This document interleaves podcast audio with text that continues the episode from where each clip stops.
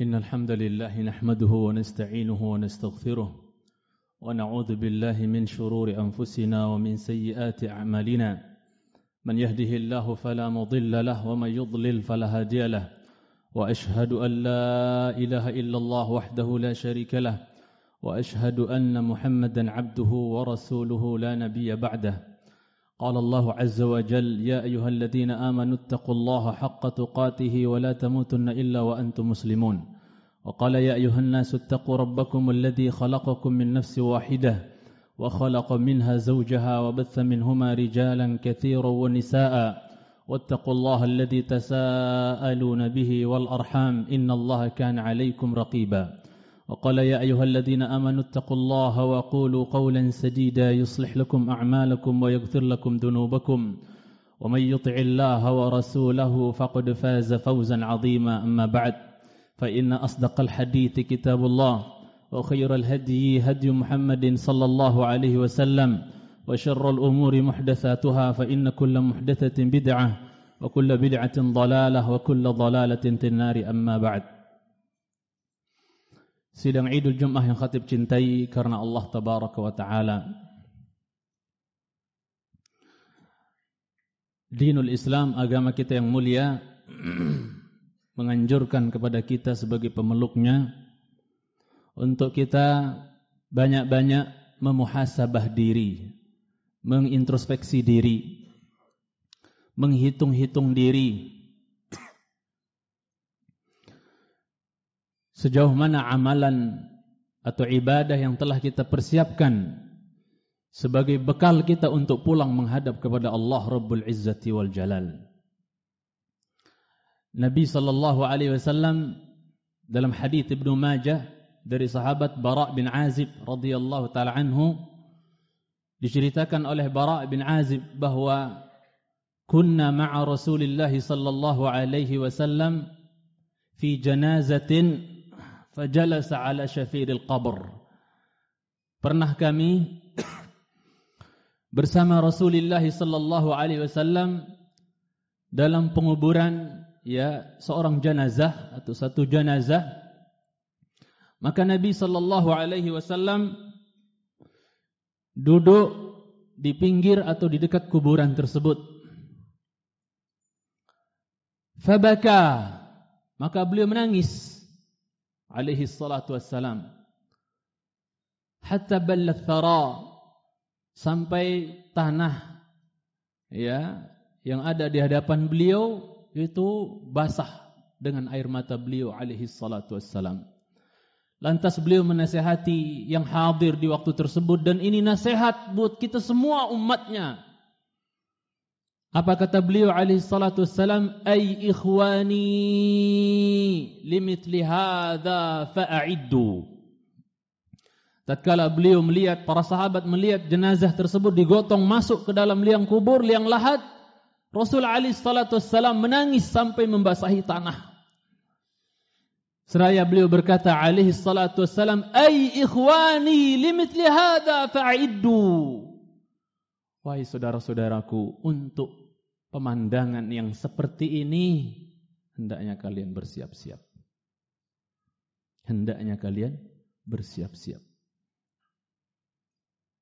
Banyak hadis bahkan ayat yang menjelaskan, yang menganjurkan agar kita selalu muhasabah diri. Apa yang telah saya persiapkan sebelum saya masuk liang lahat yang pasti. Cepat atau lambat kita nggak tahu siapa yang duluan di antara kita yang hadir di sini yang akan segera sampai ke kuburannya. Maka sebelum hal itu terjadi, maka mari sedang Idul Jum'ah yang khatib cintai, kita banyak-banyak merenung, banyak-banyak muhasabah diri. Karena orang cerdas, ya.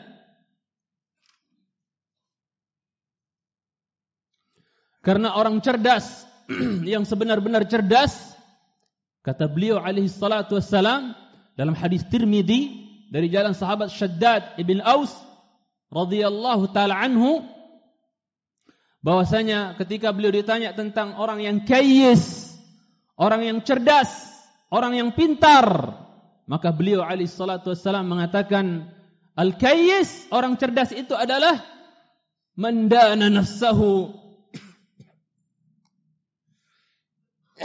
Man dana nafsahu wa amila lima ba'dal maut. Orang cerdas itu adalah orang yang senantiasa muhasabah diri. Dana nafsahu ay hasaba nafsahu. Dia muhasabah dirinya, dia introspeksi introspeksi diri. Ya, merenung. Ya. Wa amila lima ba'dal maut. Setelah itu diikuti dengan amal. Dia beramal untuk apa? Untuk persiapan dia menghadapi apa yang akan terjadi setelah kematian. Wallahi, wabillahi, watallahi. Sidang Idul Jum'ah yang khatib cintai karena Allah Jalla wa'ala. Kalau seandainya setelah kematian nggak ada urusan, nggak ada hisab, nggak ada pertanyaan, niscaya kita semua cita-cita tertingginya sama apa cita-citamu? Apa cita-citamu? Semua akan menjawab cita-cita tertinggi saya mati. Saya mau mati capek di dunia ini. Tapi masalahnya setelah kematian ada urusan yang panjang. Ya. Ada urusan yang panjang, perjalanan yang panjang. Walau anna idza mitna turikna lakana al-mautu ghayatu kulli hayyin walakinna idza mitna bu'ithna wa nus'alu ba'dahu an kulli syai. Seandainya setelah kita mati, turikna, kita dibiarin begitu saja, enggak ada urusan lagi, enggak ada pembangkitan, enggak ada hidup lagi setelah kematian, laka anal mautu ghayatu kulli hayyin. Niscaya kematian akan menjadi cita-cita tertinggi setiap orang yang hidup. Walakinna idza mitna bu'ithna wa nus'alu ba'dahu an kulli. Tapi masalahnya setelah mati kita akan dibangkitkan. Kita akan ditanya, ya. Kita akan dihidupkan kembali oleh Allah Jalla wa'ala wa nus'al dan semua kita akan ditanya. An kulli syai' tentang segala sesuatu, kecil besar, perbuatan baik maupun buruk, semuanya akan ditanya sidang Idul Jum'ah yang khatib cintai karena Allah tabaraka wa taala. Maka kita persiapkan, persiapkan sebelum saat-saat itu datang. Ya, mari kita sedikit-sedikit nyeleng, ya, nabung dikit-dikit, ya, sedikit demi sedikit amal saleh agar kita tidak menyesal di hari tersebut. Di hari di mana kita sangat butuh ya bekal untuk kita pulang menghadap kepada Allah Rabbul Izzati wal Jalal. Ada sebuah ayat di dalam kitabillah yang sering sekali para imam kita baca sering dibaca oleh para imam di dalam surah Al-Hasyr ayat 18 banyak kita hafal saking sering kita dengar sebagian imam baca banyak kita yang hafal. Akhir-akhir daripada surat Al-Hasyr tersebut di mana Allah Jalla fi'ula berfirman ya ayyuhalladzina amanu ittaqullah. Ya ayyuhalladzina amanu ittaqullah. Wal tanzur nafsum ma qaddamat lighad. Allah Jalla wa'ala berfirman, wahai orang-orang yang beriman. Perhatikan kata Ibnu Mas'ud, kalau Allah mulai dengan, ya ayuhalladzina amanu, tolong pasang telinga. Karena imma amrun tu'maru bih, wa imma syarrun tunha'an. Bisa jadi ada perint, ada kebaikan yang kalian diperintah atau ada keburukan yang kalian dilarang darinya. Apa kata Allah setelah ya ayyuhalladzina amanu ittaqullah. Bertakwalah kalian kepada Allah. Wal tanzur itu perintah pertama, ittaqullah, bertakwa kalian kepada Allah. Yang kedua perintahnya wal tanzur nafsum ma qaddamat lighad. Dan hendaknya setiap jiwa, khatib, kita semua semua jiwa dituntut untuk apa? Melihat apa gerangan yang telah dia persembahkan, apa gerangan yang telah dia siapkan lighad untuk hari esok. Ya. Semua kita tahu insya Allah apa tafsir hari esok di sini. Yang dimaksud adalah yaumul qiyamah. Apa yang telah dia persembahkan, apa yang telah dia amalkan, apa yang telah dia tabung, apa yang telah dia ya kerjakan, ya amalkan untuk hari esoknya. Yang para ulama mengatakan a'zamu ayatin yuhasibu bihal insan nafsahu. Seagung-agung ayat yang seorang manusia memuhasabah diri dengannya adalah ayat ini. Al-Hasyr ayat 18. Dari semua ayat di dalam Al-Quran, ya, ayat teragung yang paling besar, paling agung yang seseorang menghisap dirinya dengannya, memuhasabah dirinya dengannya. Ya ayyuhalladzina amanu taqullah wal tanzur nafsum ma qaddamat lighad. Ini ayat paling agung untuk kita memuhasabah diri. Untuk kita menghisap diri-diri kita. Umar bin Khattab menganjurkan hasibu anfusakum qabla an tuhasabu. Ya, Hisap diri kalian, hitung diri kalian, hitung-hitung diri kalian sebelum kalian nanti dihisap.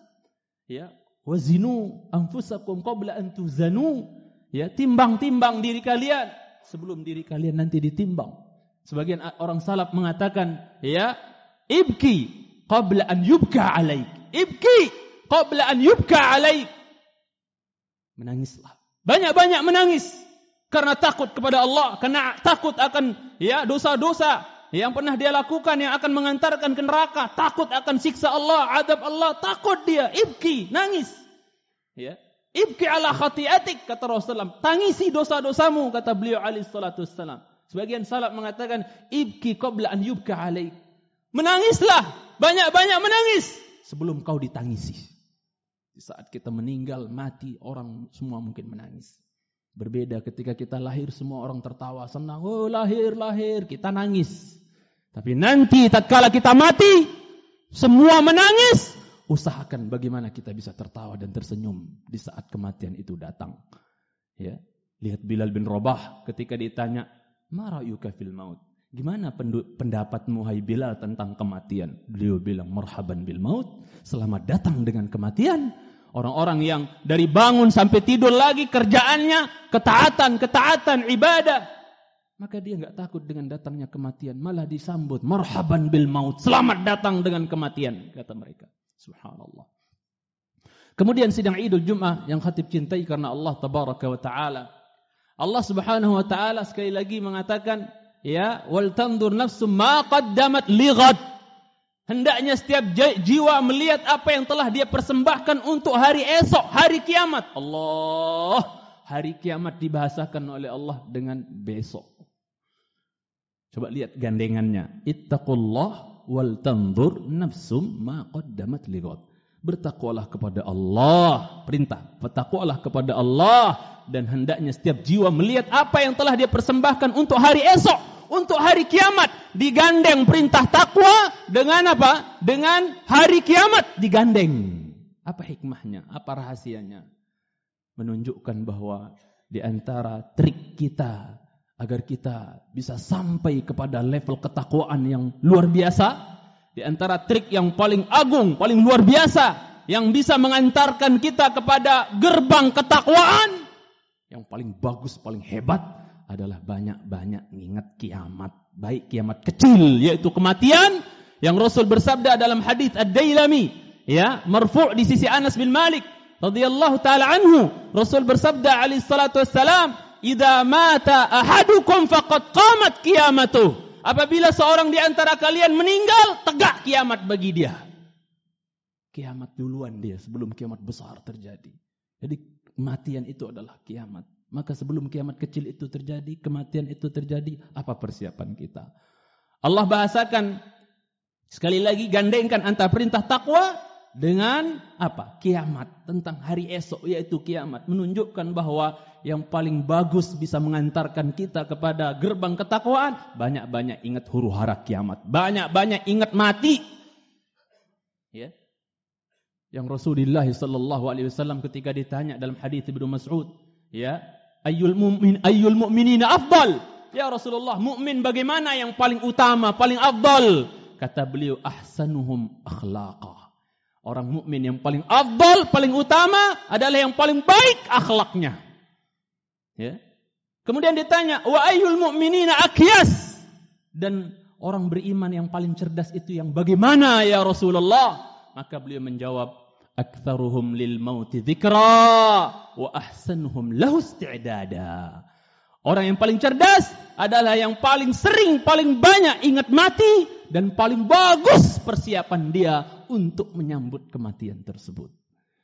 Faidah selanjutnya, subhanallah. Allah katakan li ghadin. Hendaknya setiap jiwa melihat melihat apa yang telah dia persembahkan untuk hari esok. menunjukkan bahwa kesempatan untuk kita memupuk ketakwaan yang Allah perintah ittaqullah ya kesempatan untuk kita memupuk ketakwaan untuk jadi hamba yang muttaqin itu sangatlah sempit waktunya sidang Id sangat sempit waktunya Allah bahasakan kiamat godan goden besok Berarti kesempatan kita untuk bertakwa itu enggak lama. Ayo segera bismillah mulai kita hijrah, taubat, kembali inabah kepada Allah Rabbul Izzati wal Jalal. Kesempatan sempit. Li ghadin besok Allah bahasakan. أقول قولي هذا وأستغفر الله لي ولكم ولسائر المسلمين والمسلمات من كل ذنب وخطيئة فاستغفره إنه هو الغفور الرحيم.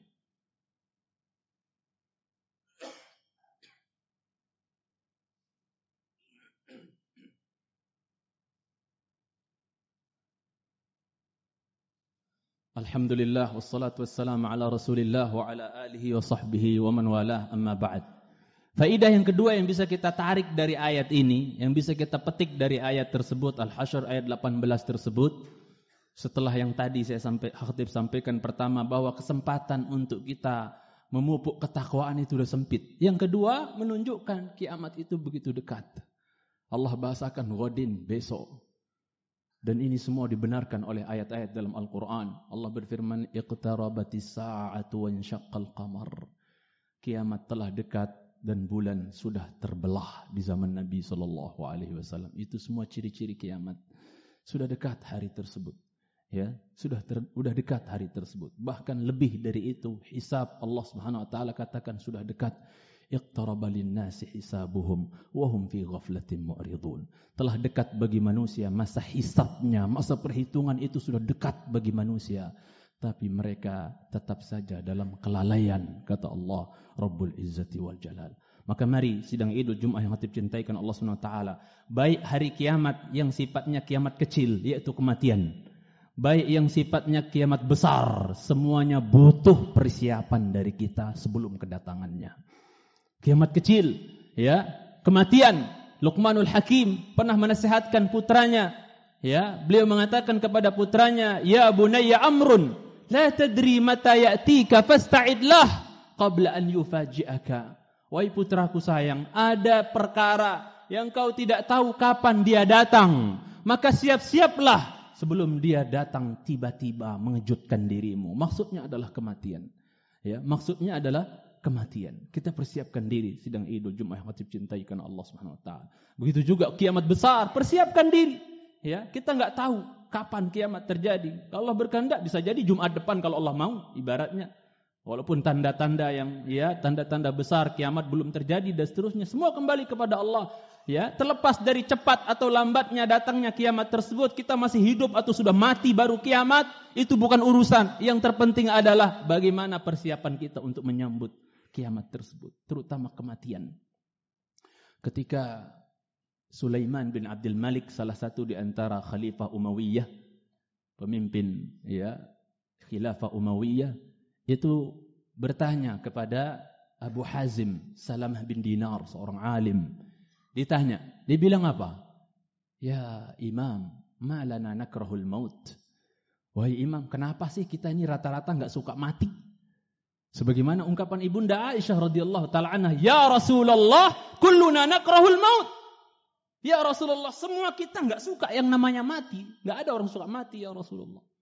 Menunjukkan tabiat manusia enggak suka mati. Enggak suka dengan yang namanya kematian. Hatta Musa alaihissalam, kalimullah yang pernah diajak bicara oleh Allah. Ya Rasulullah Musa alaihissalam ketika malaikat maut menjelma seperti manusia biasa ingin mencabut nyawa Musa ditonjok, dipukul sampai benyok ya malaikat maut kemudian dia melapor kepada Allah Jalla ya Allah kau utus aku kepada seorang seseorang atau kepada seorang hamba yang dia enggak mau mati enggak suka mati. Subhanallah. Ya. Kemudian sidang Idul Jumat yang hatib cintai karena Allah Subhanahu wa taala. Kenapa kita semua enggak suka mati wahai Abi Hazim Salamah bin Dinar? Ya seorang alim waktu tersebut. Beliau mengatakan masalahnya penyakitnya manusia kenapa benci, takut dengan yang namanya kematian. Kata beliau, "Ammartumud dunya wa kharrabtumul akhirah." Ay ammartum dunyakum wa kharrabtum akhiratakum. Kalian telah terlanjur membangun dunia kalian. Udah bangun ini, itu, Masya Allah, vilanya, hotelnya, apanya, apartemennya, tokonya, asetnya banyak. Rumahnya, mobilnya, udah dibangun semua. Mewah semua, megah semua. Nyaman dia melihat, nikmat dia melihat harta bendanya. Terlanjur dibangun semuanya. Wa kharrabtum al-akhirah. Sedangkan perkara akhirat kalian, perkara agama kalian, kalian telah hancurkan. Kadang sholat bolong-bolong, sibuk dengan dunianya. Ya, walau mau diharapkan muncul di pengajian, susah. Ya, sholat ke masjid cuma pas jumatan doang. Ya, jumatan doang. Lima, lima kali sehari semalam, buh nggak kelihatan seterusnya. Kharabtumul akhirah, kalian hancurkan akhirat kalian. Dunia kalian bangun, terlanjur bangun, akhirat kalian sudah terlanjur hancurkan. Lalai selalai lalainya, mu'ridun bahkan berpaling. Wal billah fakarihtum an takhruju minal amari ila damar. Itu masalahnya.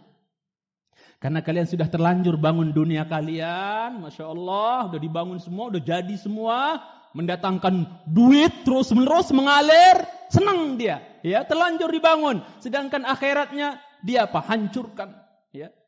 Lalai dia dari mengingat Allah. Lalai dari beribadah kepada Allah. Jalla wa'ala. Sibuk dengan dunianya. Akhirnya kalian benci. Nggak suka. Untuk kalian pindah dari sesuatu yang sudah terlanjur dibangun. Mau pindah ke tempat yang sudah dihancurkan. Yaitu agamanya, akhiratnya. Sudah terlanjur dihancurkan. Berat rasanya untuk pindah kepada sesuatu yang sudah hancur. Dia sudah terlanjur bangun dunianya. Mudah-mudahan bisa dipahami maknanya. Mudah-mudahan dari khutbah yang singkat ini kita bisa mengambil ibrah, bisa mengambil pelajaran dan kita terus-menerus memuhasabah diri kita, mengintrospeksi diri kita apa yang telah kita persiapkan ya sebelum kita menghadap kepada Allah Rabbul Izzati wal Jalal di mana di hari pertemuan dengan Allah tidak bisa bermanfaat dinar dan dirham, wala rubiah, wala dolar, wala harta, tidak bermanfaat kecuali seorang hamba yang menghadap kepada Allah dengan membawa hati yang selamat, hati yang bersih, membawa bekal amal saleh. Semoga kita dikumpulkan di surga Allah Jalla wa ala. Inna Allah wa malaikatahu yusalluna ala nabi. Ya ayuhalladzina amanu sallu alaihi wa sallimu taslima. Allahumma salli ala Muhammad wa ala ali Muhammad kama sallaita ala Ibrahim. وعلى آل إبراهيم إنك حميد مجيد. وبارك على محمد وعلى آل محمد كما باركت على إبراهيم وعلى آل إبراهيم في العالمين. إنك حميد مجيد. اللهم اغفر للمسلمين والمسلمات والمؤمنين والمؤمنات الأحياء منهم والأموات. اللهم يا مقلب القلوب ثبت قلوبنا على دينك. اللهم يا مصرف القلوب صرف قلوبنا على طاعتك. اللهم إنا نسألك علما نافعا ورزقا طيبا وعملا متقبلا. اللهم إنا نسألك علما نافعا ورزقا طيبا وعملا متقبلا. اللهم إنا نسألك علما نافعا ورزقا طيبا وعملا متقبلا. ربنا ظلمنا أنفسنا وإن لم تغفر لنا وترحمنا لنكونن من الخاسرين. ربنا آتنا في الدنيا حسنة وفي الآخرة حسنة وقنا عذاب النار. وصلى الله على محمد وعلى آله وصحبه وبارك وسلم. وآخر دعوانا أن الحمد لله رب العالمين. أقم الصلاة.